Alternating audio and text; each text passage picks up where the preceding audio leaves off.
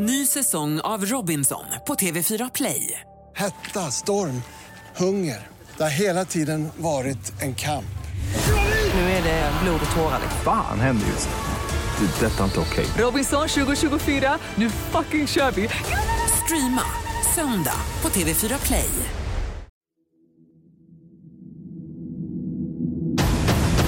Det är väl så att eh, i den här typen av, av, eh, ska vi säga, seriebrottslighet så eh, tenderar det till att, eh, så att säga, eskalera och bli allt grövre våld. Och eh, jag kan inte påminna mig att, att vi har haft något liknande i Sverige tidigare ett antal anmälda våldtäkter. Man känner sig ju fruktansvärt rädd. Vi har i något fall också DNA som den här våldtäkten. Är överfall. Det skapar oro samma dygn. där. Jag är rädd för den människan. Jag heter Hasse Aro. Välkomna till min podd Fallen jag aldrig glömmer.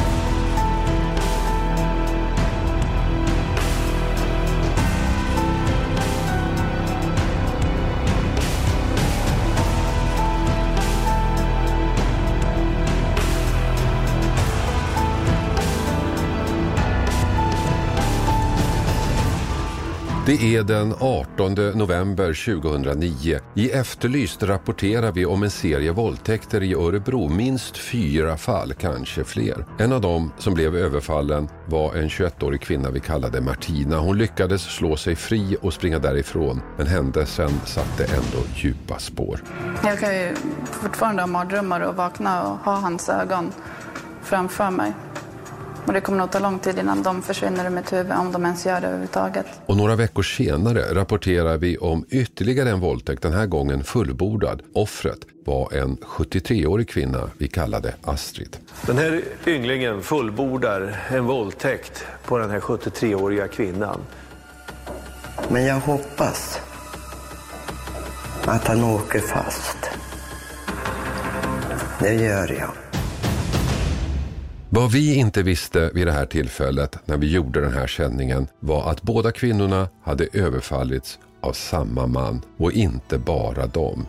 2009 attackerade han minst nio kvinnor.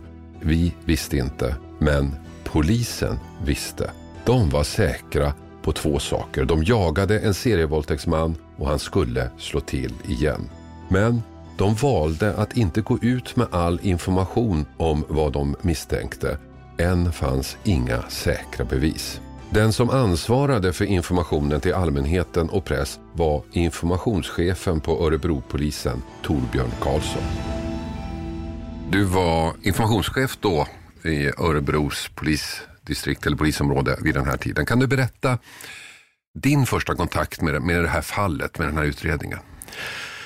Ja, det var ju så att eh, vi, eh, vår kriminalunderrättelsetjänst gjorde en sammanställning över de här överfallsvåldtäkterna och fann då att det var lite för många, eller det är alltid lite för många mm. naturligtvis, men eh, det var för många eh, om man jämf jämförelsevis då.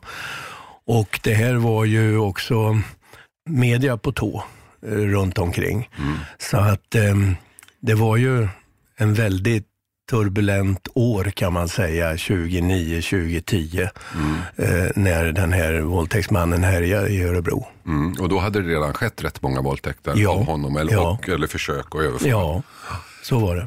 Men det måste ju vara ett stort problem när man har eh, ett sånt stort och intensivt polisområde som Örebro, att att förstå att det här, nu, nu har vi någonting annat på gång. Nu har vi en serievåldtäktsman på gång. Därför att det sker ju ändå väldigt mycket våldtäkter som han inte var inblandad i. Ja, så är det ju. Eh, men den gemensamma nämnaren initialt var att den här gärningsmannen åkte cykel. Mm. Och de flesta eh, överfallen skedde då efter 02. Eh, och det var ett modus kan man säga som, som eh, skilde ut eh, flera av de här våldtäkterna. Mm. Så småningom så fick vi ju ett eh, bättre signalement och eh, mer uppgifter att gå på. Mm. För signalementet från början var lite spretigt kan man säga. Ja, det var det. Och, och det kan man väl kanske förstå då när, när man eh, blir överfallen som, som kvinna, att man inte kanske lägger märke till detaljer och så. Utan, och, men det som förvirrade oss en del, det var ju att eh, det var olika ålder på offren. Eh, och, och det skilde inte ut sig på något sätt, utan det, det var hela spektrat runt offren. Mm. Förutom cykeln, när ni började undersöka och analysera eh, de här fallen, var det några fler saker som ni uppmärksammade som var gemensamt? Ja, så småningom så, så, det första var ju cykeln då. Och eh, tidpunkten efter 02 i allmänhet. Och eh, eh, så småningom så hittade vi ett buntband. Eh, eller det förekom buntband i samband med överfallsvåldtäkten. Och då eh, förstod vi ju att det här är eh, ingen vanlig överfallsvåldtäktare, utan vi, vi hade att göra med en serievåldtäktsman. Det var tre saker som talade för att det var en och samma gärningsman vid de flesta av övergreppen. För det första det extrema våldet, för det andra det faktum att han band sina offer med buntband och för det tredje att han cyklade. Utifrån det här så valde polisen 2009 att specialgranska tre fall, att använda dem som underlag för en djupare analys. Hur eh, reagerar ni då? Ja, då gjorde vi ju en eh, sammanställning över de brott vi hade och vi gjorde en geografisk analys och eh, en eh, gärningsmannaprofil. Och eh, efter den våldtäkt som du kanske kommer till, den vid Eurostop, eh, så var ju liksom startskottet på det hela att vi, vi satte till alla klutar för, inom Örebropolisen för att gripa den här mannen. Mm. Men en geografisk profilering, den- den, försöker man ju då få till ett område som, som gärningsmannen på något sätt har anknytning till. Eh, det används, inte jätteofta, men det används ibland. Eh, och en gärningsmannaprofilering gör ju att man får någon slags psykologisk bild av vem man jagar. Och Om du sätter samman de här två analyserna då, eh, vad var ni kom fram till? Vem var det ni jagade då? Ja, eh, för det första så, så eh, den gärningsmannaprofilen sa ju att det var en yngre man, dryga 20 år. Det hade vi ju signalementsuppgifter på också. Dessutom så var det ju ett Ja, vi ska inte säga ett avgränsat område för att det var eh, spridda så att säga eh, brottsplatser. Men vi kom fram till en så kallad hunting area i den här geografiska profilen. Och så småningom också en anchor point, alltså det vill säga att eh, den här gärningsmannen hade någon typ av eh, utgångspunkt. Eh, det kan vara en arbetsplats, en bostad, eh, en släkting eller någonstans där han har trivts eh, och känner sig trygg. Och eh, det visade sig ju senare då att eh, det här stämde väldigt bra. Profileringen gav två konkreta ledtrådar. Det ena var att man jagade en ung man. Det andra var att han hade anknytning, kanske till och med bodde på väster eller norr i Örebro. Viktiga uppgifter, absolut. Samtidigt någonting som stämde in på tusentals personer som att leta efter en nål i en höstack. Men så, den 28 mars 2010 slog han till igen. Den här gången vid Eurostop i Örebro. Ett brutalt och vidrigt överfall, värre än tidigare. Men den här gången begick han misstag. För honom ödesdigra misstag. Men fortfarande där i 2009, ni hade ett antal eh, våldtäkter eh, som ni misstänkte var av samma person.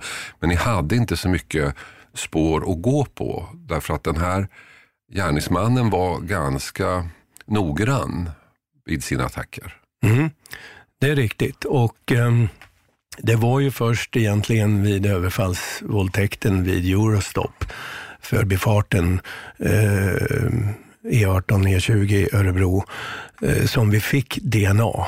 Och ehm, det var ju egentligen, som sagt då, eh, vi satte till alla klutar för att få den här gärningsmannen gripen. Berätta vad som hände vid Eurostop. Eh, det är en eh, kvinna som eh, är på väg hem från ett krogbesök och ehm, hon har inte någon telefon med sig och ehm, hon skulle ringa efter en taxi. Men eftersom hon saknar telefon så ehm, går hon på väg mot bostaden. Och det är en ganska lång sträcka. Hon var då, vid den tiden boende i Vivalla. Och eh, så småningom så kommer det en cyklist, en yngre man, eh, dryga 20 år på cykel och hon frågar honom om eh, han har en telefon. Eh, och det säger han att han inte har. Och så eh, går hon vidare. Och eh, vad hon inte vet då, det är att det, det här är gärningsmannen hon frågar om hon får låna telefonen av. Så han gör ett varv i kvarteret runt och cyklar så småningom förbi henne. Och eh, han inser väl att hon är boende i Vivalla. Och eh, cyklar förbi henne och står och lurpassar på andra sidan brofästet vid Eurostop.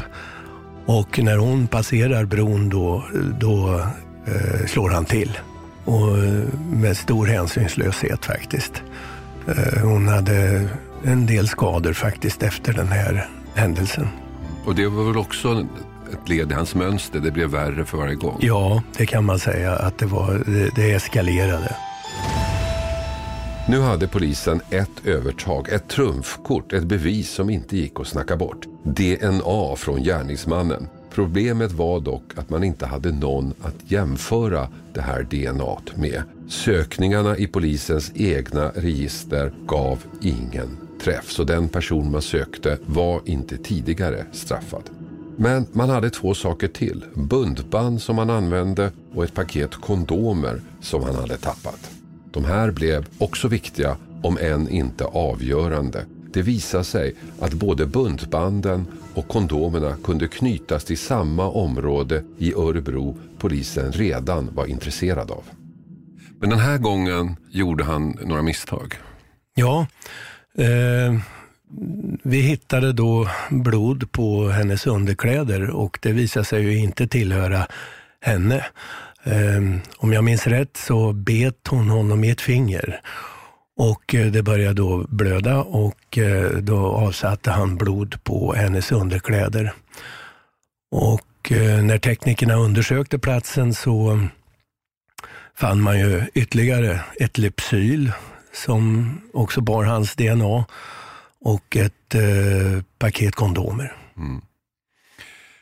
Och de här sakerna eh, och framförallt DNA blev ju väldigt viktigt. Ja, det, det, det, blev det, visade sig ju då naturligtvis senare. Eh, vi sökte ju DNA och fick ingen träff. Och eh, då gick vi till eh, en åklagare som beslutade om en så kallad masstopsning. Mm. Utifrån den geografiska profilen då. Och ehm, så vi topsade över 500 personer. Mm. Och det var en ganska ny, uh, ny sak uh, med masstopsningar. Ja, uh, då var det det. Mm. Och hur valde ni ut vilka ni skulle topsa? Ja, det var dels utifrån signalementsuppgifter och den geografiska analysen. Vi valde att dela in eh, så att säga den geografiska analysen i tre sektioner och så betar vi av sektion för sektion. Och när vi då kom till eh, 587 så ringde eh, den killen återbud och han hade ingen riktig motivering till varför han inte kunde komma. Eh, och han var inte heller villig att, att komma nästa vecka så att säga. Och Det hände ju att man lämnade återbud på ett så stort antal, men eh, de dök ju upp eh, vid ett senare tillfälle. Så att det här tyckte vi var lite märkligt. Och eh, det blev helg och sen inträffade då tre överfallsvåldtäkter under den helgen. Mm. Eh, vilket då föregicks av det här återbudet. Och då förstod vi ju kanske att det här var identiteten på den skyldige. Mm. Du berättade tidigare här att du satt i tv-soffan i TV4 och sa att vi kommer att ta honom. Ja, eh, det gjorde jag efter att vi hade eh, funnit eh, gärningsmannens DNA. Mm. Och jag var uppe flera, flera gånger i, ja, i olika medier och bland annat i tv-soffan. Och eh, det börjar nästan bli pinsamt och genant att, att eh, vi inte hade tagit honom. Han hade ju härjat då, eh, eller man kan säga i ett helt år, eh, vad vi då visste. Men eh, eh, sista gången jag var där då i det här ärendet så sa jag att vi ska ta honom och eh, bara någon vecka senare så greps han. En månad efter överfallet på Eurostop så gick så polisen ut och berättade att man jagade en serievåldtäktsman. Att vågen av överfall i stan hade utförts av en och samma man. I Efterlyst den 28 april 2010 bekräftade polisen att det var en enda gärningsman man jagade. En man som hade gjort sig skyldig till mer än tio överfall på kvinnor. Och det här gav naturligtvis kraftiga reaktioner både i pressen och bland allmänheten. Kan du beskriva lite grann hur media hanterade det här? Ja det, var, ja, det var ju en nationell nyhet. Eh, det måste man säga. Och eh, jag jobbar nog i stort sett varje dag under ett års tid. Och telefonen ringde i tid och otid, även på kvällar och helger och nätter. Eh, sen var det ju också så att eh, eh, hela Örebro kommun har ju en massa anställda då inom hemtjänsten, kvinnor. Och de var ju livrädda eh, under mörkrets timmar. Och eh, jag fick då åka till kommunledningen eh, varje fredag och hålla information om spaningsläget och informera ledningsgruppen på kommunen hur, hur utredningsläget såg ut så att säga. Eh, jag vet att man tog beslut om att köpa in överfallslarm till alla dessa hemtjänstpersonal som kommunen har och det är ju hundratals. Så att det här var en, en stor medial uppmärksamhet runt omkring. Eh, jämförelsevis kan man säga att jag kan inte påminna mig att, att vi har haft något eh, liknande i Sverige tidigare. Hur är det då att jobba som informatör när man hela tiden har media på sig och egentligen inte har något nytt att berätta? Ja, eh, det är inte lätt alla gånger faktiskt. Men eh, det finns ju väldigt mycket man kan prata om som inte rör direkt själva utredningen. Och eh, man lär sig att hantera det där så småningom och jag utnyttjade väldigt mycket eh, så kallade parafraser. Mm. Och, eh, Som till exempel? Ja, till exempel att eh, ja, det är en mycket bra och viktig fråga du ställer just nu, men eh, den här eh, frågan måste vi få återkomma till. Mm. Men det måste ändå vara frustrerande bitvis. Att, att liksom, inte att de är på, för det är de ju, det är deras jobb, men att du inte har något nytt att berätta. Ja, jo men det, det kändes eh, väldigt frustrerande att, att just vi stod och stampade på samma så att säga punkt. Ända tills vi då fick det här DNA. Mm. Och då öppnade det upp ett helt annat ljus över utredningen. Trycket på polisen var hårt. Örebromannen måste åka fast. Så man tog till en metod som inte är helt ovanlig idag, men som då var relativt ny. Masstopsning. Att kalla in alla de som passade in på gärningsmannaprofilen och den geografiska profilen för att lämna sitt DNA. En dyr, komplicerad och väldigt långsam metod. Efter det här överfallet på Eurostop där, där han då lämnade sitt DNA så, så blev det en paus kan man säga där över sommaren och det hände ingenting. Och sen, sen kommer då hans kallelsen till eh, äh, topsning som han nekar. Och sen kommer då helgen äh, den 10 oktober. Berätta vad som hände då. Ja, då eh, hade vi fått det här återbudet, om jag minns rätt, en fredag. Och äh, han ehm, Eh, hade ju som sagt inget skäl, giltigt skäl till återbudet. Och han var inte heller villig att eh, komma på den här DNA-testet. Och under helgen då så skedde ju tre överfallsvåldtäkter. Och eh, det var också väldigt spridd ålder på offren. Eh, faktiskt. Och eh, då förstod vi ju att den här, eh, det här återbudet var sannolikt eh, liktydigt med den identitet som, som gärningsmannen hade. Så han var aktuell ur flera vinklar kan man Ja, absolut. Och han, han föll ju in i, inom ramen kan man säga för det, den, ska vi kalla det för gaffel som vi hade. Så att, eh, men som sagt var, 587, nummer 587 eh, fick vi eh, testa då ända till vi nådde vägs ände. En enda person vägrade alltså att låta sig topsas. Den då 24-åriga Niklas Eliasson. Och det väckte naturligtvis polisens misstankar. Niklas Eliasson var en udda och ganska ensam person. Han hade inget egentligt jobb, inga direkta kompisar och ägnade en stor del av sin tid åt dataspel och porrsurfande. Och, skulle det också visa sig, fantasier om att utföra attacker mot kvinnor. Men han var inte dum. När han fick kallelsen till att lämna sitt DNA, när han vägrade komma, förstod han att det var kört. Och det var det, inte bara för att hans vägran väckte polisens intresse. Nu när de hade hans namn visade det sig att han fanns på alla listor över eventuella misstänkta. På listan över de som bodde i området, på listan över de med rätt ålder, på listan över de som hade tillgång till den speciella typen av buntband, på listan över de som köpt kondomer av just det slag som polisen hittat vid Eurostop. Så Niklas Eliasson var rökt. Men istället för att ge upp, istället för att lämna in sig själv, valde han något annat. En sista skräckfylld och våldsam uppgörelse med sina demoner. Han fick kallelse till topsning i början av vecka 40 i november 2010.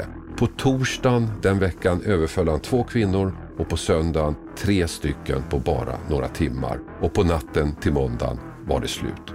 Då åkte han fast. Hur gick gripandet till? Berätta. Ja, det var ganska lugnt faktiskt. Eh, det var ingen större dramatik i det. Han greps i ett källarutrymme och ehm, då hittade vi eh, i samband med gripandet buntband, rep, kniv, tejp, handfängsel och kondomer.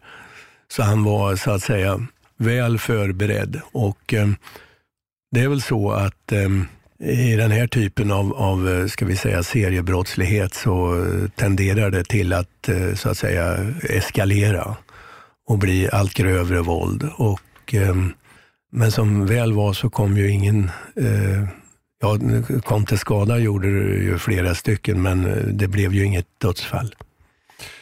Hur skulle du beskriva honom? Vem var han? Ja, han kom ju från en socialt god miljö. Han var kanske lite udda i den meningen att han vände på dygnet. Han spelade väldigt mycket World of Warcraft, tv-spel. Han var eh, en eh, hyggligt stor konsument av pornografi, nätporr. Och eh, han gjorde ju då sina raider, eh, framförallt eh, sen natt efter 02. Mm.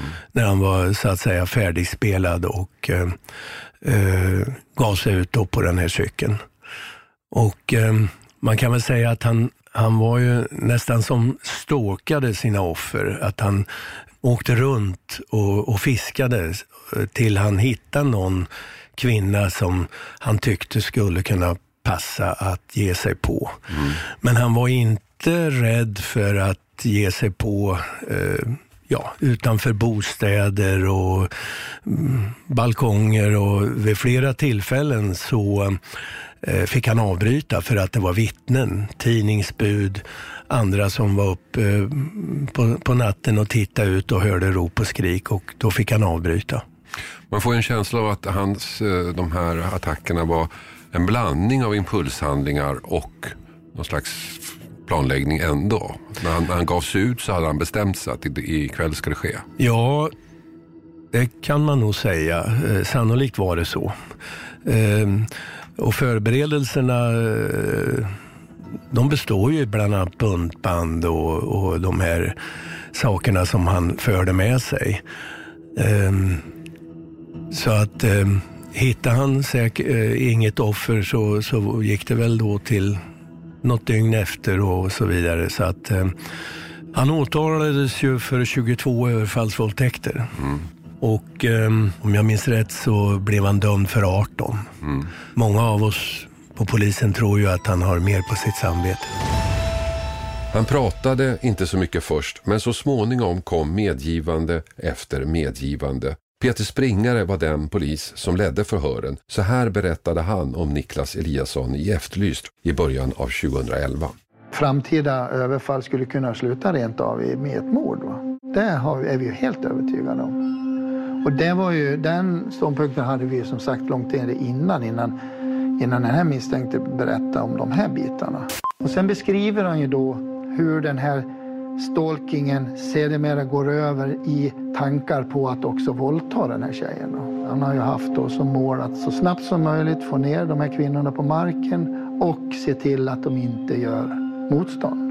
För att han ska då på ett enkelt och snabbt sätt kunna genomföra en våldtäkt. En fråga som förbryllade utredarna var hur mycket Niklas Eliasson egentligen planerade sina gärningar. Å ena sidan verkar han välja sina offer slumpmässigt och egentligen utan att inse konsekvenserna. Å andra sidan hade han buntbanden och kondomerna med sig. Så här sa psykiatriken och professorn Martin Grann i Efterlys i mars 2011. Han är medveten om vad han gör. Eh, det, det- det är nog så att till skillnad från Niklas Lindgren, Hagamannen, så, så har nog den här Niklas eh, tänkt igenom och, och fantiserat och planerat på ett, på ett helt annat sätt än vad, vad Hagamannen gjorde. Själva tillvägagångssättet är ju, är ju ganska kyligt och, och det tyder som inte på impulshandling utan snarare ganska välplanerat. Han har gått och spanat och sett ut ett lämpligt offer. En märklig detalj förbryllade poliserna. En lista med tre kvinnors namn som han hittade hemma hos Eliasson.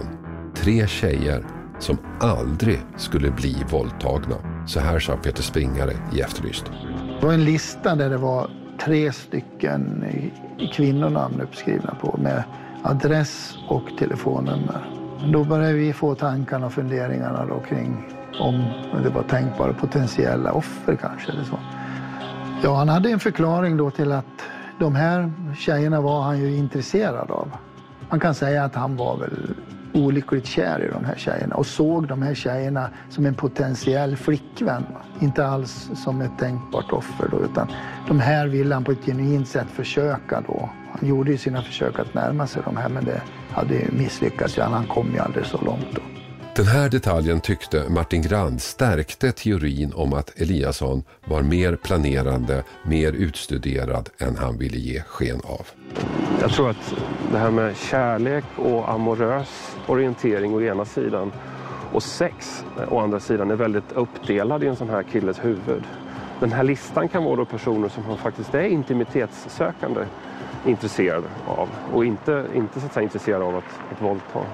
Niklas Eliasson dömdes 2011 för 14 fall av bland annat våldtäkt, våldtäktsförsök och misshandel. Han fick 12 års fängelse. Han blev villkorligt frigiven den 11 oktober 2018 och lever idag under ett annat namn. Nu är han ute. Ja. Rent generellt, du jobbar inte längre inom polisen. Nej. Eh, Rent generellt när en sån här person släpps, föranleder det någon slags åtgärder från polisen? Ja, eh, i allmänhet gör det det. Eh, man eh, kontaktar ju, det, beror lite grann på vad det är för typ av brottslighet naturligtvis. Eh, jag kan inte säga hur, eh, när den här gärningsmannen släpptes, vilka åtgärder polisen vidtog då. För jag är som sagt var inte kvar inom polisen. Men generellt sett så vidtar man åtgärder, ja. Mm. Det finns en detalj som jag tycker är lite intressant och som visar ändå hur omfattande den här utredningen var och hur mycket jobb som, som låg bakom. Och det handlar om buntband, jag vet inte hur väl insatt du är om det, men att, man, att ni ändå lyckades spåra dessa buntband från tillverkaren som var någonstans i något helt annat land. I Kina. Ja, i Kina. Ja, till och med den maskin som hade tillverkat Mm. eh, buntbanden spårades och identifierades. Och så lyckades ni spåra dem till Sverige? Ja. Till en vårdcentral i Örebro, om jag förstått hela rätt. Där han hade jobbat. Ja. Och även kondomerna lyckades vi spåra. Eh, Man kanske inte tror det, men det finns en sifferkod eh, eh, instansat eller stämplat, tryckt, vad det nu är, på kondomen. Så att eh, det är till och med den distributör, så, och det, det, försörjningsställe, den distributör och transportör och tillverkare som eh, eh, den koden identifierar. Och så här antar jag att det är många utredningar, att det görs väldigt mycket intensivt arbete som sen i efterhand inte kommer fram eller egentligen inte spelar någon roll i, i bevismässigt. Nej, så är det. Och eh, det är en betydande del av utredningsmaterialet som hamnar i den så kallade slasken. Och ehm, eh, det är kolossalt många mantimmar bakom en sån här utredning. Vi utrymde ju ett helt rum eh, i polishuset i Örebro och hade tidslinjer och foton och eh, allt vad du vill. Eh, mängder av permar och eh, systematiserat utredningsmaterial. Eh, så här efteråt nu när du tänker tillbaka på, på den här utredningen, den här tiden, hur tänker du då? Ja, eh, vad ska jag säga? Det, det var ju naturligtvis intressant att vara delaktig i, i informationsgivningen i det här, även om det var kolossalt brottsoffer i den här utredningen. Men eh, som polis så tror jag att man man lär sig hantera det. Om man vänjer sig vid det, våldet, då är det nog fara och färde. Men man lär sig hantera det. Och jag tänker väldigt sällan tillbaka på polisyrket idag. Det här var ju ändå, och är fortfarande tror jag, den eh, värsta serievåldtäktsmannen vi haft i Sverige. Ja, jag kan inte minnas eller erinra mig att vi har haft eh, någon som har jämförelsevis då kunnat matcha honom. Klippning och inspelningsansvarig David Dabba Persson. Ljudsättning och originalmusik Kristoffer Folin. Och exekutiv producent Mattias Arvidsson. Ljudinslagen i avsnittet kommer från Efterlyst i TV3. Produceras av I Like Radio. I like radio. Ny säsong av Robinson på TV4 Play. Hetta, storm, hunger. Det har hela tiden varit en kamp. Nu är det blod och tårar. Fan händer just. Det. är Detta är inte okej. Robinson 2024, nu fucking kör vi! Streama söndag på TV4 Play.